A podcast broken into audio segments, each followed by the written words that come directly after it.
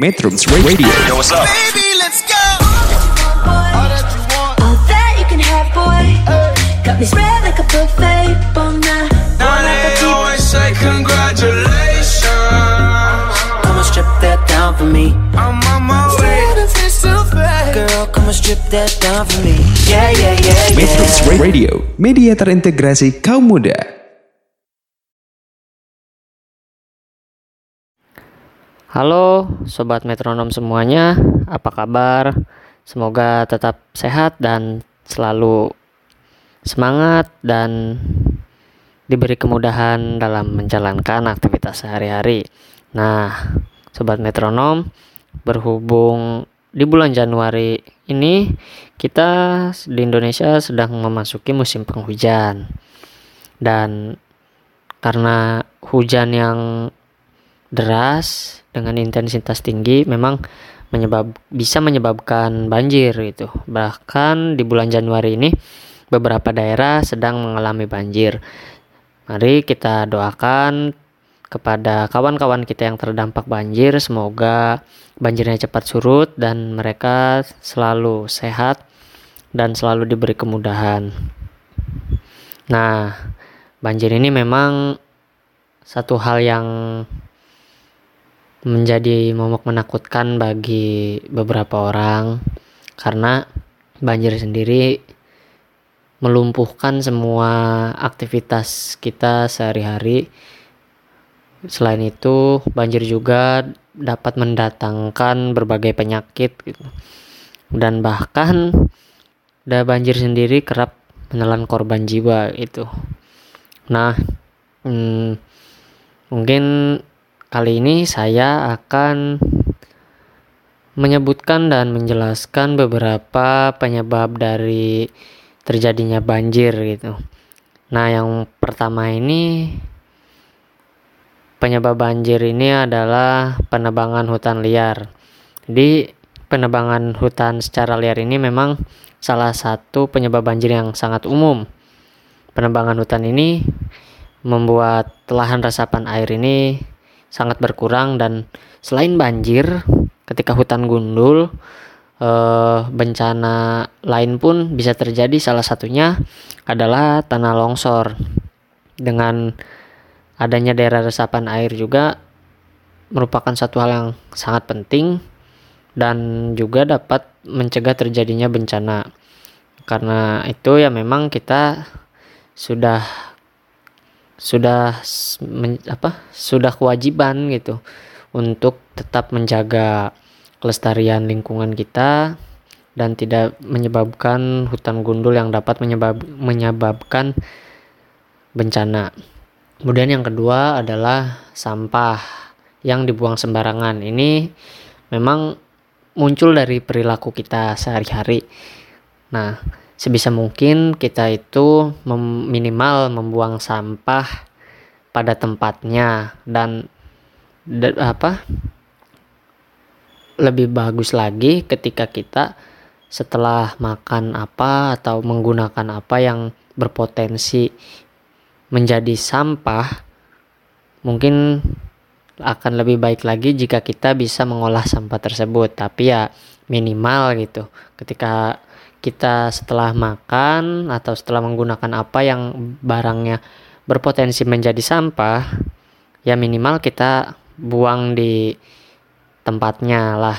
Karena sampah-sampah ini berpotensi untuk menyebabkan banjir. Karena ketika sampah itu dibuang sembarangan contoh di selokan eh, otomatis ketika hujan turun sampah-sampah itu akan berkumpul dan dapat menyumbat saluran air yang kemudian ketika hujan deras air tersebut tidak mengalir karena tersumbat oleh sampah kemudian meluap otomatis terjadilah banjir gitu. Nah ayolah kawan-kawan sobat metronom semua eh, dari mulai hal yang kecil kita buang sampah pada tempatnya. Nah selanjutnya penyebab banjir adalah pemukiman yang dibangun di bantaran kali ini biasanya terjadi di kota-kota besar Nah, penyebab banjir yang seperti ini, pemukiman yang dibangun di bantaran kali eh, bisa menyebabkan banjir karena eh, balik lagi ke hal yang sebelumnya gitu. Eh, beberapa orang yang tinggal di bantaran kali tersebut kerap membuang sampah langsung ke kali atau ke sungai gitu. Meskipun tidak semuanya, tapi hal tersebut berpotensi berpotensi untuk membuang sampah di kali de, apa dekat tempat tinggalnya gitu. Dan juga memang eh, pembangunan-pembangunan di bantaran kali atau pinggiran sungai ini berpotensi menyebabkan tanah yang ambles gitu. dan bisa menyebabkan penyempitan aliran sungai juga. Kemudian ini mungkin lebih ke faktor alam ya.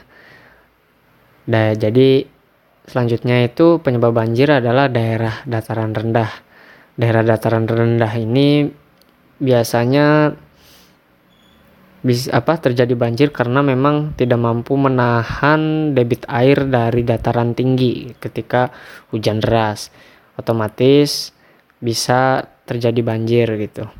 Nah pada dataran daerah rendah ini sebaiknya memang dilakukan penanaman-penanaman pohon pada lahan-lahan kosong gitu agar air yang datang dari dataran tinggi ini bisa terserap oleh pohon tersebut. Yang kemudian selanjutnya adalah curah hujan yang tinggi. Ini juga faktor alam. Bahkan memang satu hal yang tidak bisa dihindari gitu. Curah hujan yang tinggi. Kemudian selanjutnya adalah pemakaian air tanah yang tinggi. Penyebab banjir yang ini biasanya di terjadi di daerah perkotaan gitu.